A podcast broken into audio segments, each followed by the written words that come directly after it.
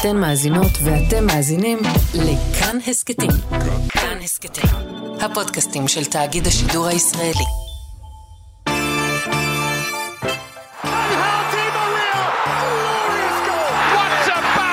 Messi, Messi, Messi, Messi. Gol, gol, gol. Viene con la feita, ciao! עיר שחיכתה לאליפות כמעט 30 שנה, ובימים אלו מתקרבת אליה בצעדי ענק, מתרגשת ומתחילה לפקשש קצת, בדיוק כשהיא פוגשת את הנמסיס שלה, אז נפולי של איטליה השנייה בעונה חלומית, אחרי שבוע קשה מול אה, נציגת איטליה הראשונה, מילאן. ובין גז מדמיע בגמר גביע הליגה, סגר בחגים והעברת משחק בינלאומי בגלל שהיריבים לא רוצים להגיע. עשרה ימים אינטנסיביים עברו על הכדורגל הפלסטיני בגדה המערבית, מציאות שבה המצב הביטחוני והפוליטי קורעים את הכדורגל לגזרים, וגם, מה אפשר ללמוד ממאבק האליפות בישראל אחרי ההפסד של הפועל באר שבע למכבי תל אביב, והאם הסיפור גמור? האם יש עוד עוד סיכוי להפתעה?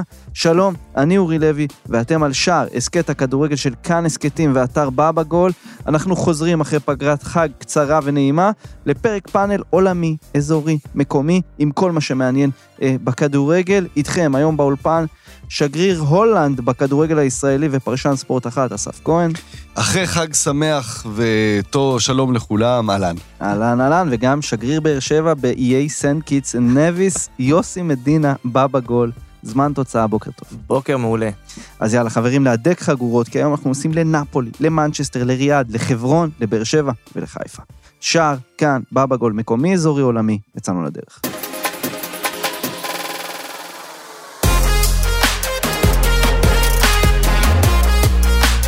נפולי מובילה בבטחה וב-16 נקודות פער אה, בראש אה, טבלת הסריה A עם תשעה משחקים לשחק, אבל ברבע גמר ליגת האלופות אתמול היא מפסידה 1-0 מול מילאן, זה הפסד אה, שני מול מילאן בעשרה ימים האלו. אנחנו ניגע בזה כי זה כן סימבולי, היריבות הזו בין נפולי למילאן, אבל קודם כל, אסף, נפולי עם תחושה של משק כנפי ההיסטוריה, שאופף את העיר. אה, התצוגות של אה, גברצחליה, אוסימן, כדורגל משובח, נפולי השנה עושים דבר מיוחד. כמה מאוד. זה גדול. מאוד, מאוד, אה, כי יש שם עליונות מקצועית, שזה אולי הדבר האחד הזה שנותן ל... ואני אגיד את זה בצורה הכי, הכי קשה שאפשר, לדפוק, זה שרואה את עצמו כדפוק. מה שנקרא פה בתיאוריה הזאת הישראל השנייה, כן. או הדפוק בעיני עצמו והמקופח, את העליונות האמיתית, שלא רק שהוא מנצח את, ה, את הצפון במקרה הזה, את, ה, את העשיר, את החזק, את היפה, אלא הוא טוב ממנו. וזו הייתה בעצם, זה היה מה שדייגו מרדונה נתן בזמנו לאנשים בנפולי, זה מה שיוהאן קרויף נתן לאנשים בברצלונה אה, לעומת מדריד. אה, התחושה הזו שיש את ההוא שתמיד חושב שהוא טוב ממני, אה, בספרד זה היה ברמת המדכא הלאומי, אבל אני בא ובכדורגל אני מראה לו שאני טוב ממנו, אני לא רק מנצח אותו, והעונה הזו, אה, מה שנפולי עושה מבחינה מקצועית, זה באמת, יש שם איזה אה, אינטנסיביות, אה, תשוקה בלתי נגמרת. הם לקחו את הטוטל פוטבול, אם התחלנו מקרויף וברצלונה, אז הם לקחו את הטוטל פוטבול ההוא, ו- ו- ולקחו אותו דרגה אחת אה, אה, מעל. כלומר, תמיד יתרון במרכז השדה. הוא משחק ב-4-3-3, שתמיד מתאים את עצמו ליריבה, תמיד יש יתרון במרכז השדה. כן. אה, ספלטי, אחרי הניצחון על אייקס, אה, בשלב הבתים, אה, במשחק, במשחק באמסטרדם, הייתי שם במשחק הזה, זה היה נורא בתור אה, מישהו שהלך בשביל הצד השני. הוא אמר משפט מאוד מעניין, הוא אמר, אין יותר מערכים בכדורגל, מה שמכריע זה למצוא את השטחים הריקים שהיריב משאיר לך. וזה מאוד נכון למשהו שאני כבר כמה שנים טוען אותו לגבי פפ גוורדיולה. אה, המערכים שאנחנו מקבלים לפני משחק, זה משהו מהעבר. נכון. אה, בפוסט-מודרניזם של הכדורגל, אתה מקבל איזשהו מערך כי זה יותר נוח לה, להציג אותו לפני משחק, כי הם משחקים 4-3-3 או 4-5-1 או משהו כזה, אבל אחרי עשר דקות, אתה רואה, קבוצות כבר משנות מערכים, משחקות בכל מיני דרכים. זה נכון בוודאי גם ל, אה, לנפולי, שמציגה בתוך הקבוצתיות הבאמת יוצאת דופן הזו, כמה אינדיבידואלים ש, שמתעלים בעונה הזו, מהמם. אמ, שבראשם תכף אנחנו נרחיב עליה על קוורצחליה, אה, שזה איזשהו קסם אה, שכונתי, שכבר אנחנו לא רואים אותו באמת יותר מדי בכדורגל. בכדורגל שבו כולם כבר מתאימים את עצמם לתוך הקבוצה ולהיות חלק מהמכונה. אה, וראינו יום לפני זה את מנצ'סטר סיטי, ושם ברנרדו סילבה כזה שהוא קוסם ועדיין בשירות המועדון, או השחקן שאני הכי אוהב להשוות את אה, כבר חליה אליו זה את אה, ג'ק גרילי של אסטון וילה שלפני כמה שנים, מהגרביים המופשלים וה... ומגיני העצם הקטנים מדי, ועד סגנון המשחק. אז גם גריליש בשנה וחצי שלו בסיטי, למד להפוך להיות חלק מקבוצה ולוותר לפעמים על הדריבל בשביל המסירה, בשביל העבודה ב- למען, למען שחקן אחר. אמ, ו- ואצל קוורצחליה אתה עדיין רואה את הדריבל הזה של כמו בשכונה, כמו על אספלט כזה, שלוקח את הכדור ומתחיל לעבור שחקנים. אה, ו- ואצלו זה דבר נוסף, כי אצל קוורצחליה קורה משהו שכבר לא קורה בכדורגל, שבזמן קצר הוא הגיע משום מקום, וקצת ליגה רוסית, קצת דינמו בתומי זה שום מקום, במובן של כדורגל עולמי, כן? לא, אני לא, לא מקטין כן. את המקום אה, שלהם. משום מקום לטופ של הטופ, וזה זה משהו שכבר לא רואים. כלומר, הם, הם תמיד גדלו באקדמיות, ותמיד סימנו אותם, ותמיד הם היו כבר כאלה שבגיל 15 קראו להם המסי של. ולא, כבר צחליה זה כזה ל- ל- לעין, ה- מי שמסתכל על הכדורגל ככה מבחוץ, הוא בא משום מקום. אמ, ו, ונורא יפה גם לראות שמי שאמון על זה, על הקווים, ספלטי, זה גם לא בדיוק ה... בעיקר באיטליה, שהתרגלנו תמיד לקפלו וסאקי, זה לא איזה מישהו, זה מישהו שכבר עם קריירה כמובן מפוארת, בן כמובן. 64, אבל אין שם תארים יוצאי דופן, זה שני גביעים ב- ברומא ועוד אה, תארים עם זנית בכלל, לא, ב- לא באיטליה. אה, ו- ומה שהוא באמת בולט אצלו, ו- והתחלנו לדבר על קוורצחליה, ותכף עוד נדבר גם על אוסימן, אבל מעל כולם לדעתי בקבוצה הזו זה לובוטקה. אמ, ו- וספלטי בקריירה שלו, אפשר לראות אחורה, שאת התפקיד הזה, הרג'יסטה, מה שבאיטליה אוהבים, השחקן הזה באמצע, הוא עשה את זה עם ברוזוביץ' באינטר, עם דוד פיזארו ב- ברומא, ועכשיו הוא עושה את זה עם, עם לובוטקה, ולובוטקה זה גם סיפור כזה, לא לגמרי צריכה של משום מקום, אבל זה, הוא נגיד כן שחקן שסומן בגיל צעיר, והגיע בגיל 19, הוא גדל בטרנצ'ין ב- בסלובקיה, שהיא סוג, בזמנו הייתה סוג של קבוצת בת של אייקס, היא הייתה בבעלות של צ'ולה לינק, שהוא חבר מאוד קרוב של קרויף, היו קשרים שם של אה, בין, בין המועדונים, והוא הגיע למילואים של אייקס. והוא היה כבר באייקס, ובאייקס לא האמינו בו, והוא לא קיבל את ההזדמנות בכלל בבוגרים, ונשלח הלאה, ואז הוא בכלל נסע לשחק בדנמרק, ו... והנה, גם, גם אייקס מפספסת לפעמים. ולובודקה הוא האיש שמחזיק שם את כל ה... הוא הדבק של הקבוצה הזו. יפה, יש לי משהו מעניין שנייה ל- ל- ל- לאתגר ולתהות עליו. שאנחנו התפלספנו קצת על, על נפולי אה, לפני הפרק הזה, אה, דיברנו על נקודה, א', אמרתי לך, אני מסתכל על נפולי הזאת, ואני אומר, זה מזכיר לי מאוד את נפולי של סארי. ואתה התחלת את הפרק הזה עם זה שהמערכים היום, זה, זה כבר, זה מהר מאוד אה, משתנה, זה משהו שייך לעבר. וסארי, בתקופה שהוא בנה את נפולי לפני כמה שנים, שגם היו, פתחו עונה מאוד מאוד חזק ולאט לאט ירדו, אם אתה זוכר, הוא אמר אז משפט אדיר, הוא אמר מערכים זה למי שלא מבין בכדורגל. כי בסוף כל מאמן, בכל משחק, עושה הכי טוב שהוא יכול עם השחקנים הזמינים לרשותו. וגם גם השחקנים שיושבים על הספסל הם כלולים במערך השיקולים הזה, של מתי לשלב, איך לשלב ואיזה כדורגל לשחק. ואז אתה אמרת לי, כן, על הכיפאק אה, נפולי של סארי ההיא, אבל פה אנחנו בחודש אפריל. ואני אמרתי לך, מהשפעות המונדיאל, הלא מדוברות, כל הזמן דיברו על השינויים בלוז, יוסי, המוח שלו גדל בכמה סנטים השנה בעקבות שינויי הלוז של המונדיאל והכול. אחת ההשפעות המעניינות זה הפגרה הזאת של החודש ושבוע באמצע העונה, שאפשרה, מצד אחד היא אולי עצרה לקבוצות מסוימות מומנטומים, מצד שני אפשרה לנוח קצת, לטעון בטריות, ולקבוצות שהתחילו טוב, ללחוץ על הגז עוד יותר, כמו נפולי. כמו נפולי. בואו אני אצטרך ככה לזרוק כמה שמות, ותגידו לי מה משותף להם. כי זה כבר צחליה ואוסימן ולובודקה, וארלינג הולנד, וקרים בן זמה, וכולם מפציצים בתקופה הזו של השנה, וכולם נחו. נחו כשאנשים עבדו מאוד מאוד קשה ב, אה, בחודש נובמבר-דצמבר בקיץ, ו, וכנראה שיש לזה, לזה השפעה. עכשיו, זה לא אומר שכל מי שהיה במונדיאל לא טוב, וכל מי שלא היה במונדיאל, אבל בגלל זה אני גם אומר לקחת מעט באיזושהי לחשוב טוב כשמאדירים את נפולי הזו ולחשוב שעכשיו היא חמש שנים תרוץ למעלה, לא בטוח. יכול להיות שהשנה הזו, זה בדיוק התחבר להם שהרבה מאוד איטלקים כמובן נחו, איטלקים נחו בתקופה הזו. שניגריה לא הייתה במונדיאל. בדיוק, אז כן, אז, אז כמובן שזמבו אינגיסה כן היה, והיו שחקנים שהיו, וקים היה, אבל הנה, בדיוק שתי, שני השמות האלה אתמול אה, התרסקו, אה, ו... אבל זה, זה כמובן אה, מקרי לחלוטין. כן. אה, אז, אז אני, אני לגמרי חושב שצריך לקחת את זה בחשבון, את העניין הזה של, ה, של, ה, של המונדיאל. כן, והזכרנו ככה גם בפתיחה וגם אתה בתחילת דבריך את, את ה matchup הזה אה, מול מילאן, את הדרום מול הצפון, את הפריפריה מול מרכז, וגם את העובדה שמילאן הופכת להיות סוג של ה kryptonite של נפולי העוצמתית הזאת שראינו עד עכשיו.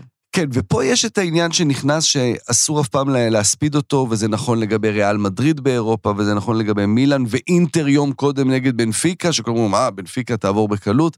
יש עניין למסורת באירופה, יש לזה עניין, אני, אני לא יודע ל, ל, לתרגם אותו לשקלים, או לשערים, או ל... אבל העובדה היא שמועדונים שיש להם איזושהי מסורת, אז יש שם משהו, עכשיו, תגידו מילאן, מה מילאן? זלאטן יושב ביציע בכלל? אוקיי, יש שם את ג'ירו, אבל כל השאר, איזה ניסיון אירופי יש להם? אוקיי, אוקיי, אבל הרוב הם צעירים שלא באמת חוו את זה. אבל אתה רואה את סנסירו ככה. אתה רואה את סנסירו, בדיוק. ואתה, ו- ויש השפעה על החולצה הזו, שהם עולים עם האדום שחור, ו- והזיכרונות שלך מימים קסומים, מערבים קסומים של, אה, של סנסירו, אה, עם, ה- עם הציפייה הזאת שוואו, הולך להיות חצי גמר, אולי מילאן אינטר. מבחינת כדורגל, כולם ציפו לנפולי בנפיקה, כי, כי זה הכדורגל מלהיב של היום. אבל מילאן אינטר, רק התמונה הזאת של הדרבי של רוי קושטה ו- ומטרצי שם עומדים ב... ב- זה, זה מעורר בך רגש נוסטלגי, שכנראה בכדורגל, בכל מנעד הרגשות האדיר שיש בו, כנראה שגול דרמטי הוא מספר אחד, ונוסטלגיה זה מספר שתיים, בחוזקות ובעוצמות. כן, וכנראה גם יש לזה השפעה ברמות הכי גבוהות של המשחק. שגם השחקנים הם כבר מולטי מיליונרים, זה, הדברים האלה עדיין עושים את ההבדל. אה, כמו שראינו, אה, אז כן, זו נפולי, אה, ששוב, אני חושב, אני גם, גם את זה, יוסי, בתור מומחה עם היעמיק ו- ועניינים כאלה, אני מאוד הופתעתי לראות שלמרות שאחרי כמעט אה, 30 שנה שהם לא זכו בתואר, פותחים שם במות ומציירים את ה... וזה יפה וזה מרגש, ורואים אה, אבא שקורא לבן שלו, אבא שקוראים לו דייגו ארמנדו, קורא לבן שלו אה, חביצ'ה. חביצ'ה. אה, סיפורים נורא מרגשים שיכולים לצאת רק מנפולי. עשינו אגב פרק אה, אה, על, אה, על, אה, גם על נפולי, על כל החיבור של המאפיה המקומית והתרבות של דרום איטליה והחיבור עם כדורגל עם מור רכס, פרק מעולה.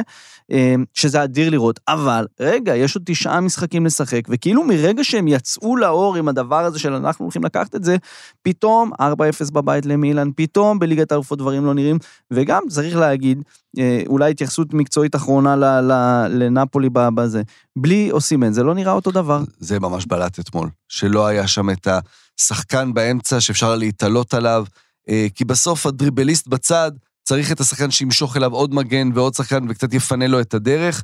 אה, אתמול זה, זה מאוד בלט שלא היה שם מישהו באמצע ש... שיהיה... שתהיה נוכחות ברחבה.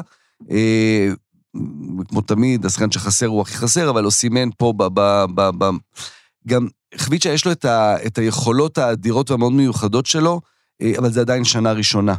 אוסימן כבר שם, אוסימן כבר, זה, זה, זה לא עונה ראשונה, הוא כבר קצת יותר בוגר, הוא כבר עשה כמה דברים, והחיסרון שלו, אני מקווה בשביל שהוא יחזור בשבוע הבא, זה עדיין לא בטוח. כן, זה חיסרון מנהיגותי אפילו, הייתי אומר. כן. אין להם את, ה, את הטנק הלוחמני הזה שמוביל את החיילים קדימה אה, בקרב. אבל תשמע, זה מדהים עם אוסימן. אוסימן, אני, ויוסי זוכר את זה מצוין, קהיר 2019, אני מתגנב למלון אה, של ניגריה, למדיה אופורטוניטי, אה, ומראיין שם את ג'ון אוגו, שאגב, ראה אולי דקה בכל הטורניר הזה, אם בכלל, אני אפילו לא בטוח שהוא נראה לי שיחק. שנכנס במשחק האחרון, שזה היה כזה לפרוטוקול. שלוש ארבע, בדיוק, נכנס למשחק שלוש לא, ארבע. לא, לא, ב- האחרון בבתים, או משהו כזה. אה, נכון, בבתים, אתה. צודק. אה, ישב לי, עשיתי איתו שם אה, ראיון, והיו שם שני שחקנים צעירים אה, בסגל, שהוגו, ועוד יוני גלו, וויקטור מוזס, הסתלבטו עליהם, חיכו להם כאפות שם בלובי. שניים, אחד, סמואל צ'וקוויזה, שהשבוע כיכב מול ריאל עם צמד בברנבאו, כן, עם ויה ריאל מול ריאל, עם צמד בברנבאו, שערים מדהימים, והשני היה ויקטור אוסימן. ששם עוד ככה, זה, ועדיין הוא, מבין שניהם הוא היה כזה, הוא ישר ענה להוגו, ישר היה כזה, אה, הוא, יש לו אישיות מיוחדת, ויש לו, לו סיפור מיוחד.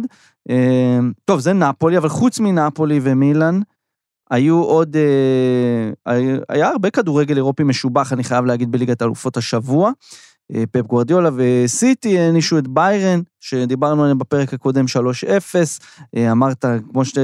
כמו שציינת, אינטר הפתיע את בנפיקה באמת, הפתיע. אפשר להגיד רגע על סיטי בהערה אחת. כן. כי סיטי הרי אה, יבוא היום, בסוף הם יזכו גם בליגת האלופות, אבל יכול להיות שבעונה הזאת זה עדיין לא יקרה, והם יודחו אולי בשלב הבא, אולי בגומלין פתאום, ואז אה, הכותרות יגידו, פפ מתחכם ושוב הוא מפסיד ברגע... אבל עד ההפסד האחד הזה, בדיוק, כשדיברנו על נפולי ואמרנו, הנה, זה דבר שקורה פעם, פעם אחת, ובעונה הבאה זה אולי כבר לא יקרה. סיטי כן שם כל שנה, כל שנה, וכמובן, יש להם הרבה כסף, הם קנו את השחקנים הכי יקרים, ועדיין הוא מצליח להחזיק קבוצה שכל שנה מגיעה לטופ, שכל שנה נותנת את הכדורגל הכי יפה, ו, וגם אם יפסידו בשלב הבא, בואו נזכור גם את החוויה הזאת שהיה המשחק האחרון נגד ביין, כי זו הייתה הצגה מופלאה ומושלמת, מה שברנרדו וגריליש עשו שם, הגול הזה של רודרי, זה, זה דברים, משהו הפך את אקה וסטונס להיות לבלמי על. פפ מצליח כל פעם מחדש לעשות את הדברים המדהימים האלה, וגם אם זה ייפול בהמשך, בואו נהנה מהרגעים היפים. זה קודם כל תמיד עם קבוצות, אה, עם קבוצות של גוורדיולה. אה, אני רוצה דווקא להתייחס רגע ל, ל, להפסד של צ'לסי, שגם דיברנו עליה פה בהרחבה העונה, אה, 2-0 לריאל מדריד. תה קטן שלי על צ'לסי, ויוסי, אני אשמח לשמוע אותך ראשון אחרי שאני מעלה פה את הנקודה.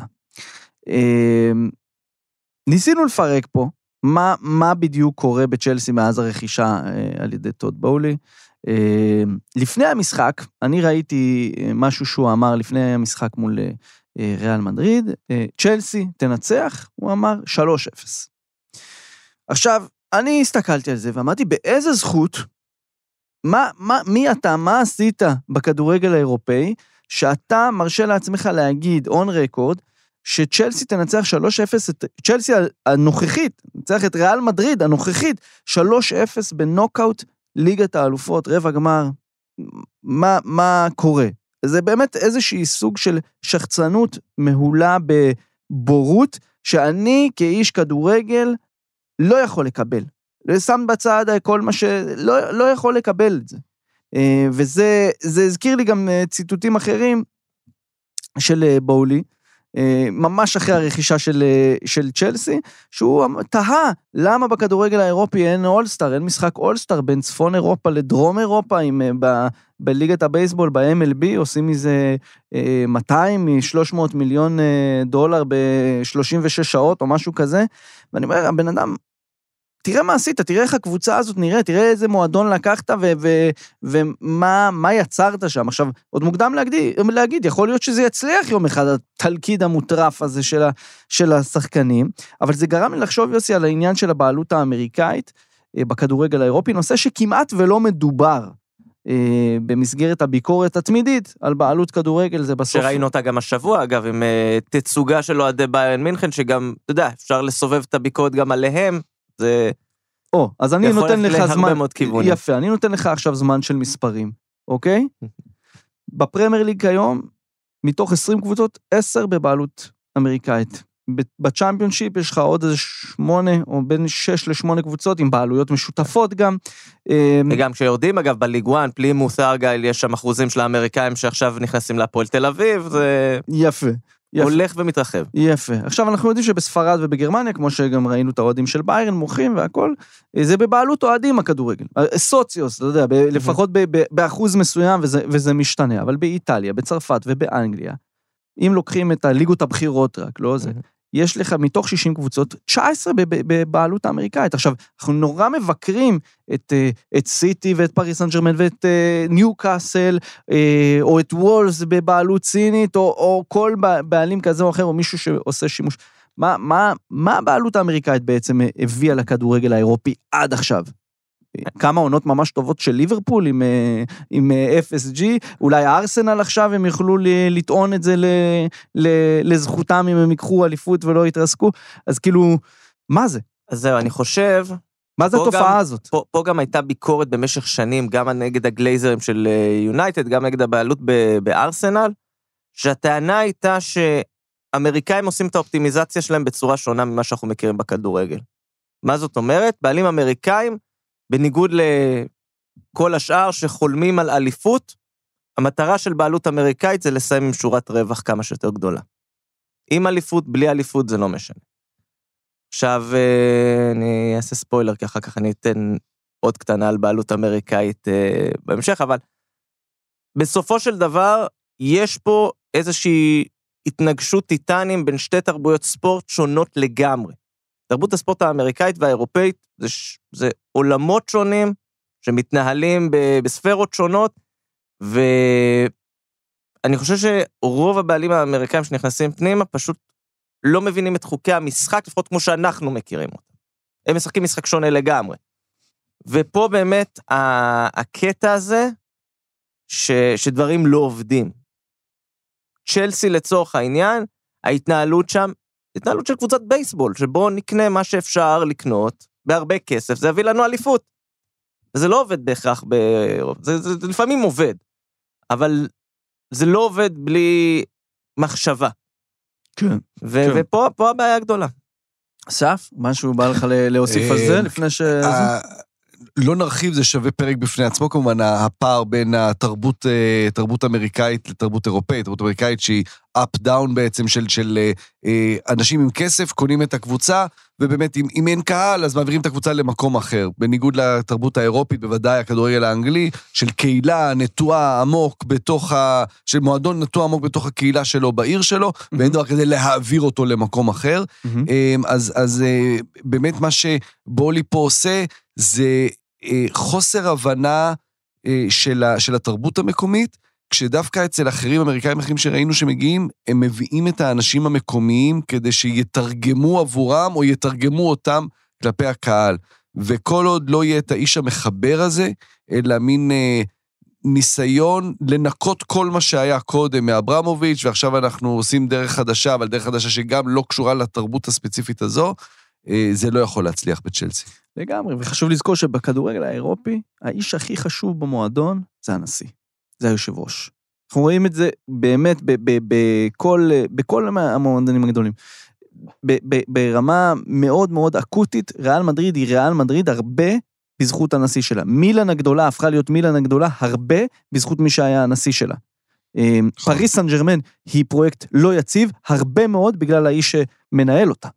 אה, נקודה למחשבה, רגע לפני שאנחנו עושים את הקישור למזרח התיכון, אסף, בוא ניפרד מהחלק העולמי עם סיפור קטן שלך. שאגב, הוא קשור למה שדיברנו עכשיו. אז זה ניהול אמריקאי, אפילו בליגות הנמוכות מאוד, אה, יוסי אמר ליג וואן. אני רוצה לדבר אה, לרגע על אה, רקסם ועל בן פוסטר. רקסם זו קבוצה וולשית מהניישנל ליג, שזה בעצם קבוצת ה... ליגת החובבים, שממנה עולים לליגה המקצוענית. רקסם, זה סיפור שכבר דובר בלא מעט מקומות, נרכשה לפני שנה ועל ידי אה, ריין ריינולדס ורוב אה, מק- מקלני. אני אף פעם לא יודע להגיד את השם כמו שצריך. שני, אה, אני עושה כן עם הראש. שחקני, אה, שחקני זה קולנוע מאוד מאוד מוכרים בהוליווד, שקנו את רקסם, ומצלמים שם סדרת טלוויזיה, וזה גם יהיה נחמד, כמו שראינו כבר כמובן שהיה על סנדרלנד וטוטנאם ועוד ועוד. בכל אופן, הקבוצה הזו נאבקת על עלייה, אחרי 15 שנה שהם אה, בעצם בליגת החובבים, מאז שהם נפרדו מה, מהליגה, מה, מהליגות המקצועניות, והם נאבקים השנה בצמרת, אה, והם החתימו לפני כחודשיים את בן פוסטר. בן פוסטר הוא שוער שיש לו שמונה הופעות בנבחרת אה, אנגליה, שנים גדולות ביונייטד, בווטפורד. אה, באמת אגדת פרמייר ליג, זה שחקן אה, שוער נהדר, שגם אה, אה, דמות לחיקוי ושמדבר ולא מפחד לדבר בנושאים שונים. אה, והוא פרש בסוף העונה, אחרי שווטפורד, הוא ירד עם ווטפורד לצ'מפיונשיפ, והוא פרש ומשהו כבר לא מצא את התשוקה שלו בכדורגל, החליט לפרוש. למרות שהיו לו הצעות בקיץ, אה, ניוקאסל הציעו לו להיות שם שוער שני, אה, אחרי שלוריס נפצע בטוטנאם הציעו לו לחזור, היו לו הצעות מ-MLS, לא מעט הצעות, אמר, אין לי כבר את התשוקה, פרש. ב- בינואר באו אליו רקסם וביקשו ממנו לחזור, גם להם היה איזה עניין עם שוער, וסיפרו לו את הסיפור. עכשיו, בן פוסטר, שהחל את הקריירה שלו בסטוק ובהשאלות, הגיע לרקסם ב-2005, וזכה איתה בגביע, בגביע של הליגות הנמוכות, אה, שהוא עמד אז בשער, ובעצם הוא רואה בהם כמועדון הראשון שנתן לו באמת הזדמנות אמיתית בכדורגל בוגרים, והוא הרגיש שהוא רוצה לחזור ולתת פה, אה, לסגור איזשהו מעגל, לעזור להם לחזור לליגה, לליגה המקצוענית. טוב. עכשיו, אנחנו, זה מאוד רומנטי הכל, ואנחנו נלך איתו כי זה מה שהוא אומר, ואנחנו מאמינים לו.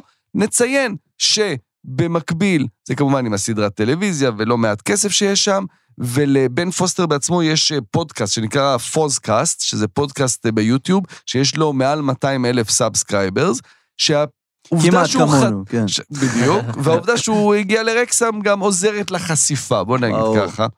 אבל השיא הגיע כמובן השבוע, מחזור, אה, ארבעה מחזורים לסוף העונה, שתי הקבוצות הם ונוטס קאונטי, עוד מועדון ותיק מאוד מאוד בכדורגל האנגלי, שתיהן עם 100 נקודות בשני המקומות הראשונים בליגה, רק אחת עולה אוטומטית, השנייה ועוד כמה קבוצות הולכות לפלייאוף, ראש בראש בעצם על העלייה. רקס היה משחק נהדר, מהפכים, 3-2 לרקסם, דקה בתוספת הזמן, פנדל לנוטס קאונטי, פנדל נבעט, בן פוסטר, האיש שלנו, שחגג לפני שבוע 40, לוקח את הפנדל, מנצחים את המשחק, אה, יש להם משחק אחד חסר, הם עם 103, נוטס קאונטי עם 100, רקסם ובן פוסטר בדרך לליג 2, לליגה הרביעית, ליגת, הליגה המקצוענית. אני אתן קטנה בהמשך, אמרתי מקודם הבעלות האמריקאית, והשווית את זה לסדרה של סנדרלנד, ואני פה מתכווץ בכיסא, זה יהיה כי אחלה זה פרק. ההבדל, כי זה ההבדל בין כדורגל לתוכנית ריאליטי. ובגלל זה ננצל את הבמה כדי להגיד שאני לא, לא חובב גדול של רקסם. כן, לא, זה, אין, אין ספק, דווקא את הפרק הזה, יוסי, אני כן ארצה לראות את הפרק של הפנדל של אני ראיתי את בן המשחק. בלייב, זה היה מדהים. מדהים. אין דרך להגיד את זה. מדהים. אז מפה, אנחנו קצת מתקרבים לאזור שלנו.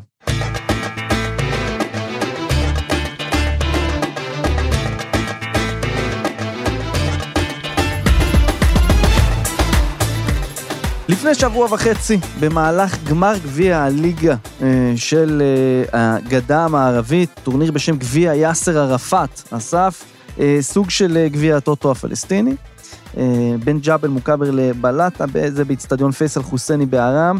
במחצית, רימוני גז נורים אל הדשא, הרוח מעיפה את זה גם ליציע, אנשים נחנקים, שלושה אוהדים מפונים לבית חולים. באמת, אה, על, על פי הדיווחים שמה, אה, ברשות הפלסטינית, זה נעשה בכוונה. אה, מה הכוונה?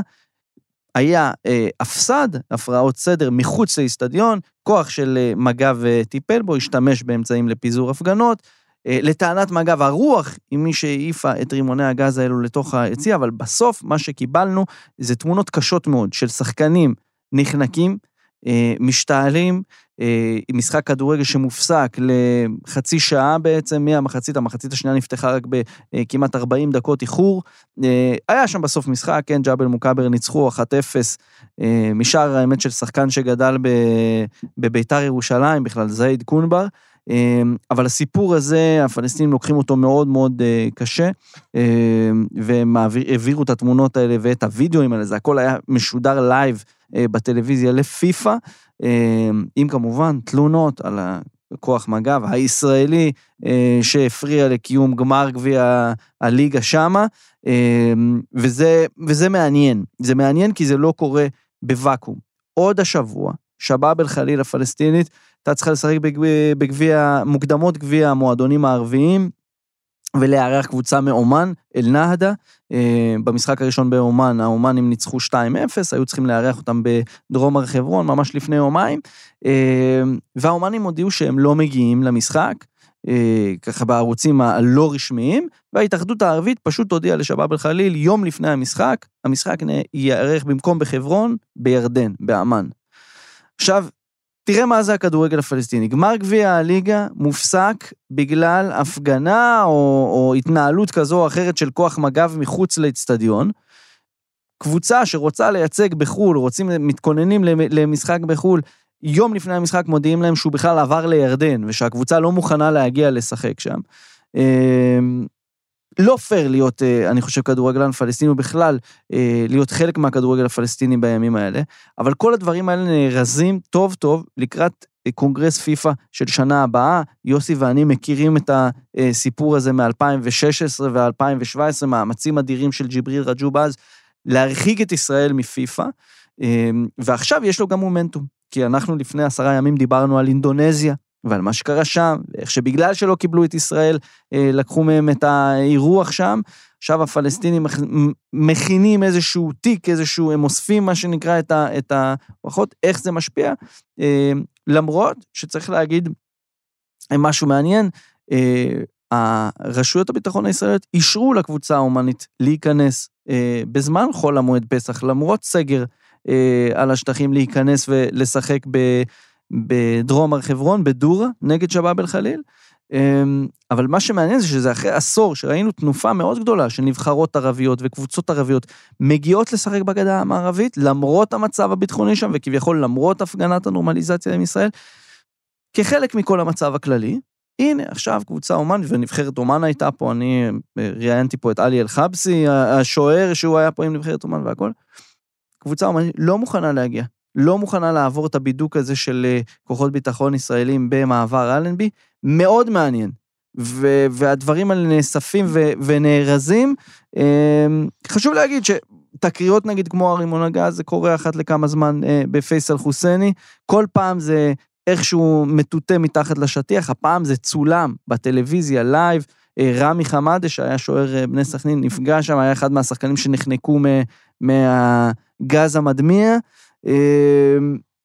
שוב, לא פשוט להיות כדורגלן פלסטיני. פעם ישראל, פעם מהעולם הערבי שלא רוצים להגיע, וגם ההתאחדות שם שעושה דברים בצורה לא פשוטה. יוסי, אתה יצא לך לבקר איתי באיצטדיון פייסל חוסייני, אתה מדמיין את המקום הזה, נגיד שהיינו שם במוקדמות מונדיאל 2018, תאר לך, אז היה עף איזשהו רימון גז למגרש, לא, אי אפשר תשמע, לדמיין את זה, זה. זה צריך, צריך להבין שנייה גם את המקום שלנו, לתאר לאנשים, זה איצטדיון שיושב ב- כמעט בתוך השכונה, זה אזור מאוד מאוד מאוד צפוף, כלומר, כל דבר שקורה בחוץ, בקלות זה יכול להתגלגל פנימה. כן. אה, בטח כשאתה מדבר על פעילות של מג"ב ורימוני גז, זה סיטואציה מאוד מאוד לא פשוטה, ובאמת אה, הסיפור הזה של הכדורגל הפלסטיני שמנסה להתרומם וכל פעם גורם אחר מוריד אותו, זה, זה תהליך מאוד מאוד ארוך, מאוד פוליטי כמובן. כמובן.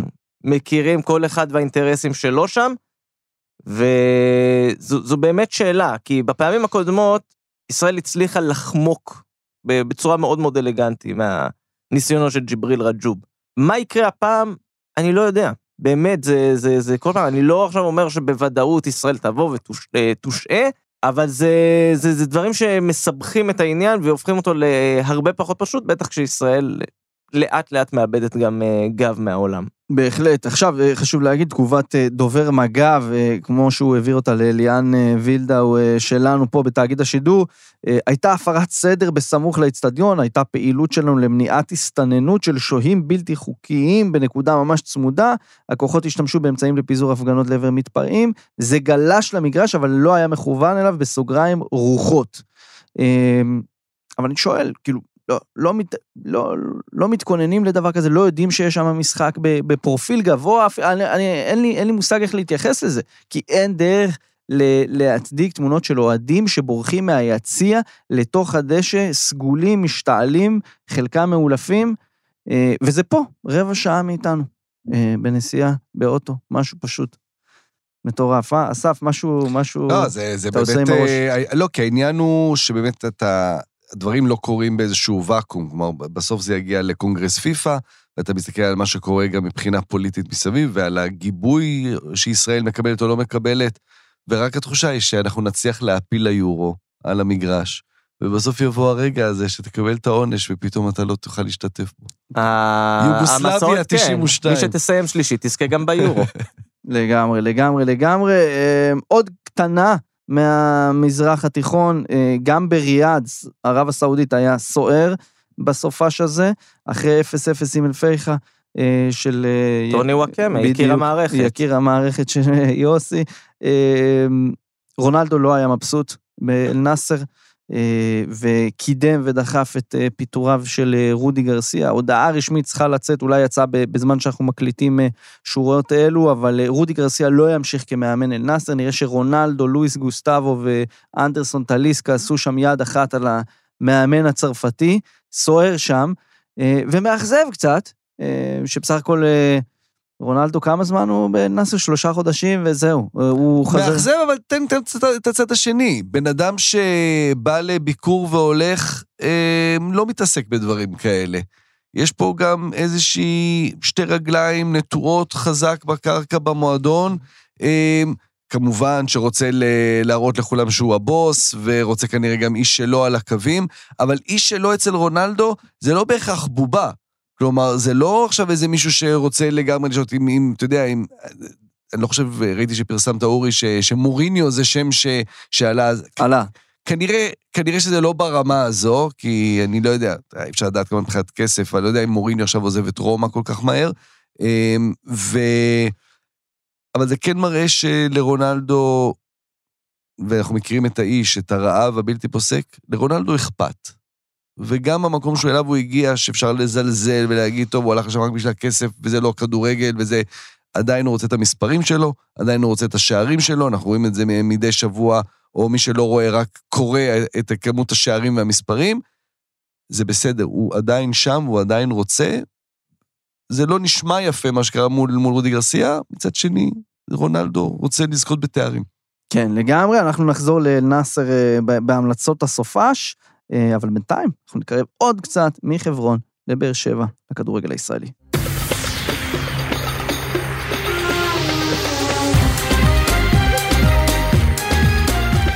טוב, אז רגע לפני שאנחנו צוללים אה, לענייני השעה בליגת העל, אגב, סיפור קטן של אסף, סיפור קטן שלי. אני צפיתי בדרבי של פתח תקווה 0-0 אה, בליגה הלאומית, אבל היה נראה אווירה נהדרת, אפורה, מצוינת. האמת, האוהדים של הפועל פתח תקווה זה משהו שאנחנו רוצים לראות אה, בליגת העל, בבמות הגדולות של הכדורגל הישראלי. אה, בכלל, הדרבי הזה של, של אם המושבות הוא משהו משובב לב.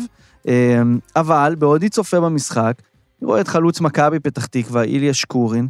אה, ראיתי אותו יוצא בחילוף עצבני, זו לא פעם ראשונה שאני רואה אותו העונה, כן, במשחקים של מכבי תל אביב. ופתאום נפל לי האסימון שאיליה שקורין כיכב בפרק שער לפני אה, קצת פחות משלוש שנים, פרק שער שעשינו על המחאות בבלארוס.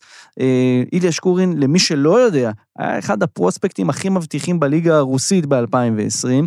שלושה שערים אה, בעשרה המשחקים הראשונים שלו בצסקה מוסקבה, גם שני בישולים. כולם שם היו בטוחים שהוא הולך להיות הדבר הגדול הבא של הליגה הרוסית, עוד הרבה לפני המלחמה באוקראינה. אה, התגלגל משם לדינמו קייב, ואיכשהו מוצא את עצמו במכבי פתח תקווה, מוחלף בעצבים, אה, בדרבי, בליגה השנייה בישראל. אה, סיפור קטן, וגם הזדמנות להמליץ לכם על אה, פרק שער בלרוס שהקלטנו פה עם יואב זהבי, שזה כיף. חוץ מזה, ליגת העל, כמו שאמרתי, באר שבע, הפועל באר שבע, מפסידה בביתה למכבי תל אביב בצורה דרמטית, אה, עם איזושהי החלטת אה, ור כזאת שתיזכר באחד מרגעי המפתח בעונה הזאת, לאו דווקא בגלל שהייתה שנויה במחלוקת, אלא בגלל התזמון שהגיע בו, ואיך שהיא ציירה את כל הסיטואציה אה, בטרנר, ואיך שהיא גרמה גם למכבי תל אביב, אה, לאוהדי מכבי תל אביב, הייתי אומר, אה, לשמוח ולהכניס איזושהי רוח אחרת אה, בעונה הזו. יוסי, אתה החשוד המיידי פה בסיטואציה, סיפור האליפות גמור? אני חושב שהוא נגמר עוד הרבה לפני המשחק הזה, הוא נגמר בהפסד השני בעצם בסמי עופר. ברגע שהפועל באר שבע עם 0 מ-9 מול היריבה הישירה שלה למאבק האליפות.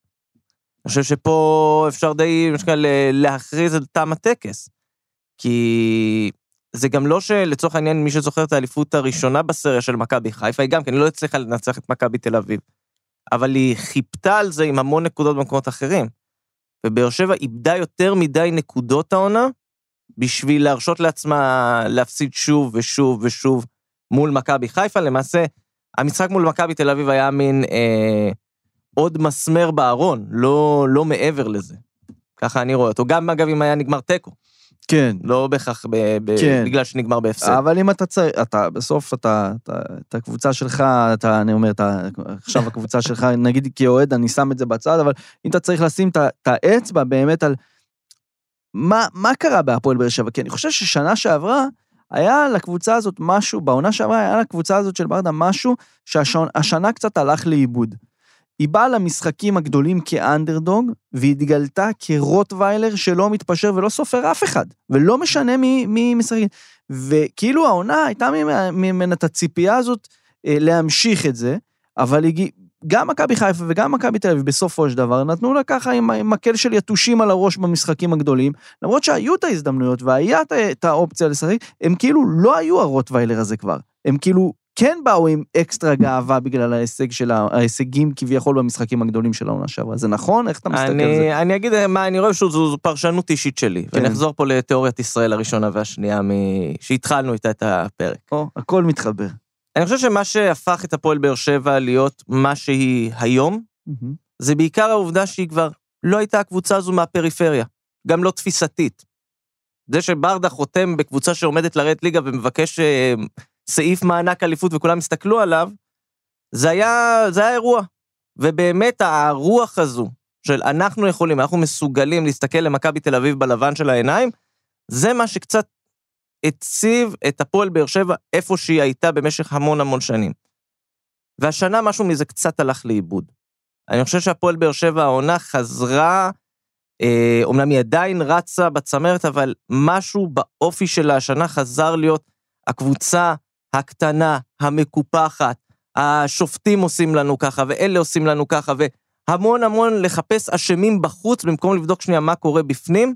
ואני יכול להגיד לך שבתור מישהו שיושב בטרנר כמעט על הספסלים, אני מאוד מחבב מאמנים עם uh, טמפרמנט חם, ואני חושב שאצל אליניב ברדה זה מגיע מתוך מקום באמת של אמוציות, זה בסוף זה הבית שלו, ואפשר לראות את זה באמת עיבוד האלגנטיות שהייתה לו בעונה שעברה, והשנה כמעט כל משחק, נכון. תראה אותו רץ באמוק נכון. לעבר השופט הרביעי, לעבר השופט הראשי.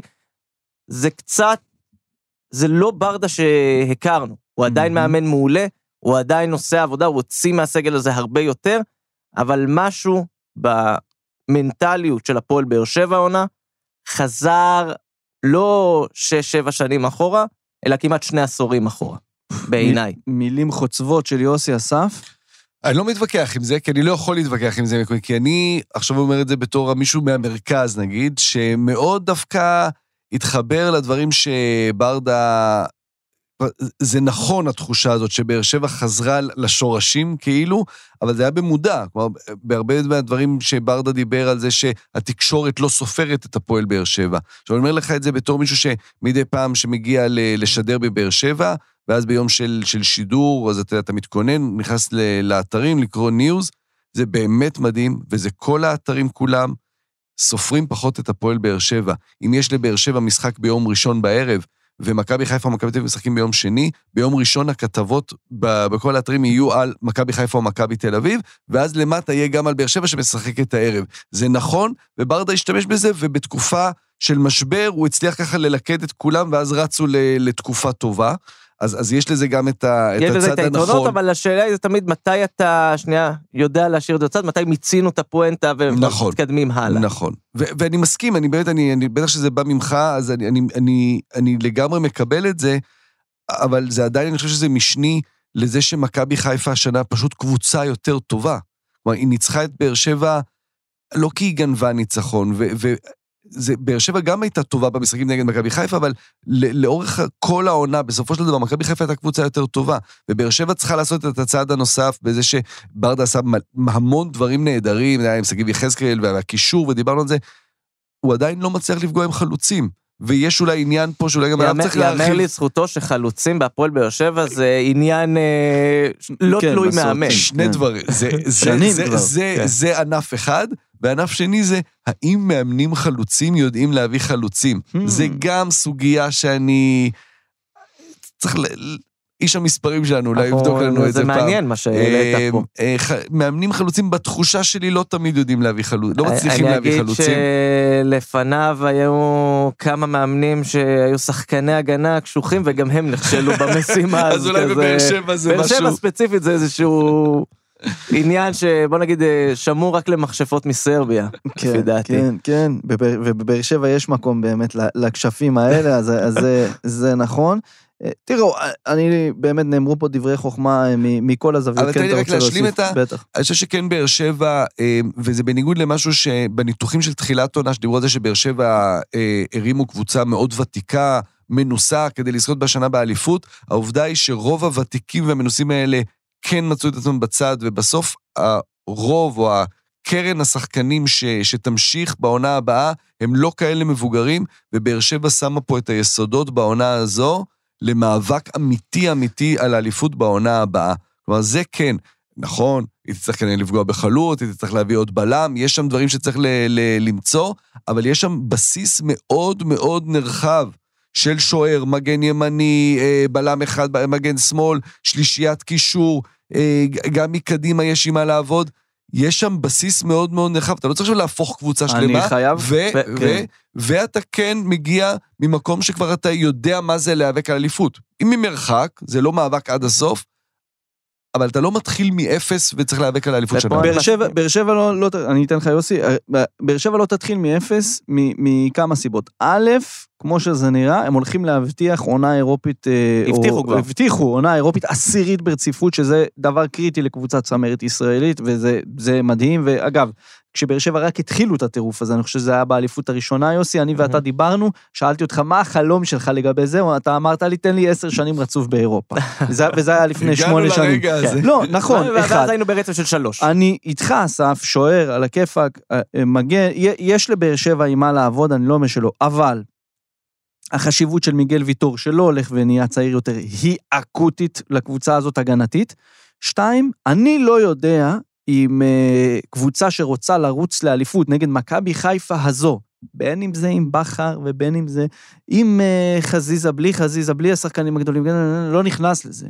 רוצה להיאבק על אליפות, לא יודע אם, אה, אם אה, אה, רועי גורדנה לצורך העניין, צריך להיות שחקן כל כך חשוב ומשמעותי שקובע את הקצב, שקובע את המצב רוח. הבן אדם, אני לא אומר, הוא שחקן כדורגל מצוין. כדוגמה. נתת כדוגמה. נתתי דוגמה. יש הרבה עבודה גם על הסגל. ולא סתם ברדה אמר אחרי ההפסד, הפסדנו, מעצבן, עכשיו אני רוצה לראות מי נשאר איתי פה לעונה הבאה. וזה, על זה יקום ויפול.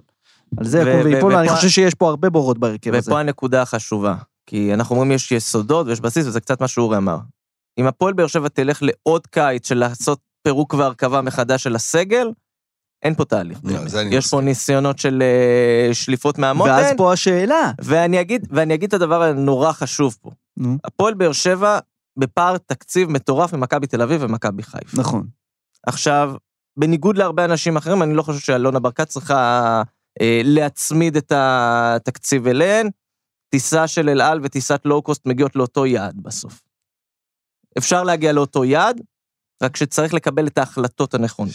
תלוי איפה. ה connection בדרך. טיסות ישירות, אנחנו לא מתעסקים עם אוקיי, קונקשנים. בסדר. צריך לקבל את ההחלטות המדויקות, בטח כשאתה בפער כזה, וכל פספוס הכי קטן, זה בדיוק מה שיוצר את הפער של השמונה נקודות אה, בצמרת. יפה. זה יפה עם ה low cost, אה? כי אתה משלם אקסטרה על המזוודה, ומשלם אקסטרה על המקום ישיבה, זה גם, תבוא לבאר שבע, אבל תשלם אקסטרה על ה- נכון, בסוף זה, כן. אה, על הבאר שבע, תשלם כן, אקסטרה. למרות שזה כבר נעלם, תודה לאל, מס באר שבע כבר לא איתנו יותר. כן, אה, אם, אם כבר אמרנו מה, מה עשר שנים אה, רצופות במפעלים אירופאים יכולות לעשות למועדון, לעיר, חבל על הזמן. אה, טוב, עוד נקודה שאני רציתי להתעכב עליה, היה משהו בפנדל הזה של, אה, של זהבי. זה לא היה סתם פנדל. זה לא היה סתם פנדל. לא, לא ולו בכדי, העונה באמת מאכזבת של מכבי תל אביב, כי זו עונה מאכזבת בסגל הזה. אה, זו עונה מאכזבת עם הציפיות ש... ש... שהביאה איתה החזרה של ערן זהבי והשילוב שלו, אה, אם זה עם אוסקר גלוך בחלק הראשון של העונה, ואם זה עם שחקן מדהים, כמו, כמו פרפה גויגון, ש... תשמע, זה פשוט היה מדהים לראות איך הוא החליט שהוא גומר את המשחק, הוא הלך, הוא עשה בדיוק מה שצריך לעשות בשביל לגמור את המשחק הזה, וראית בפנדל גם את זהבי, גם את אוהדי מכבי תל אביב, וגם את שאר השחקנים. שמחים מהגול הזה, כאילו הוא החזיר אותם למאבק האליפות. ואחרי שהסתכלתי על זה, אמרתי, וואלה, על מה הם, מה הם שמחים, כאילו? ואז אמרתי, וואלה, הפנדל הזה של מכבי תל אביב, הפנדל הזה של ערן זהבי, הניצחון הזה בטרנר, הוא כל כך חשוב לעונה הבאה. העונה הבאה של מכבי תל אביב התחילה עם הרגע שהכדור של ערן זהבי פגע ברשת. ואני חושב שעכשיו, ליגת העל והמרוץ הזה לאליפות, הוא לא יהיה פחות מעניין. כי אולי מכבי חיפה תזכה באליפות, רוב הסיכויים שזה יקרה. יום שבת אני אסע לטדי, נראה מה, מה ילך שם, בסדר? בחגיגות, תחילת חגיגות האליפות של מכבי חיפה על הכיפאק, אהלן וסהלן. משהו מאוד מעניין יקרה, ו, וזה גם חשוב לבאר שבע. כי מה שיקרה בין מכבי תל אביב לבאר שבע, יש להם הרי עוד משחק גם. ומי שתסיים במקום השני, והמומנטום שבו העונה הזאת תסתיים, תקבע המון לאיך שתיראה העונה יש הבאה. גם גביע למכבי. תל אביב. הרבה אנשים מדברים על המומנטום הזה, אז אני מהמם. רוצה רק להזכיר משהו אחד. עונת 2014-2015, סוף העונה, קריית שמונה עוקפת את הפועל באר שבע, ובאר שבע מסיימת שלישית. אף אחד כבר לא זוכר שקריית שמונה סיימה שנייה.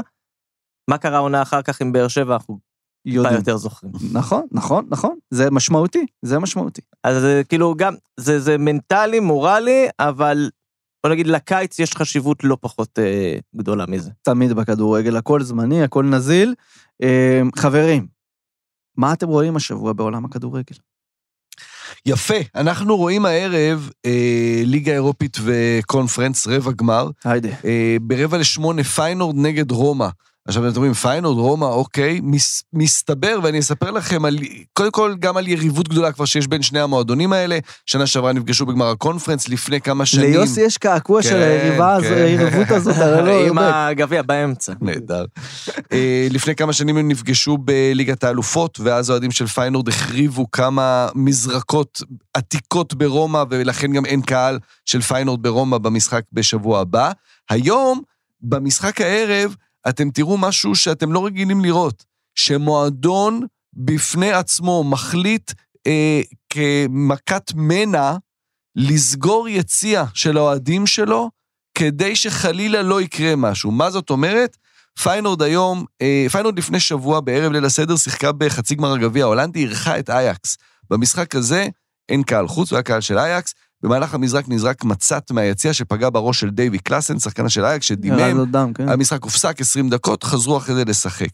אה, בליגה ההולנדית, מיד במשחק ביום ראשון ועד סוף העונה, פיינורד הקיפה את האיצטדיון, את המגרש ברשתות.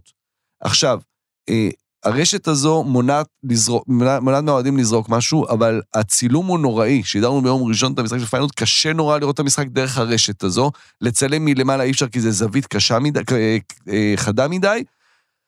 וופא לא מאשרת לפיינורד לשים את הרשת הזו על כל האצטדיון, כי אי אפשר לראות את המשחק, אי אפשר לצלם, ומבחינת וופא כמובן חשוב שהצילום יעבור כמו ברור. שצריך לקהל בבית.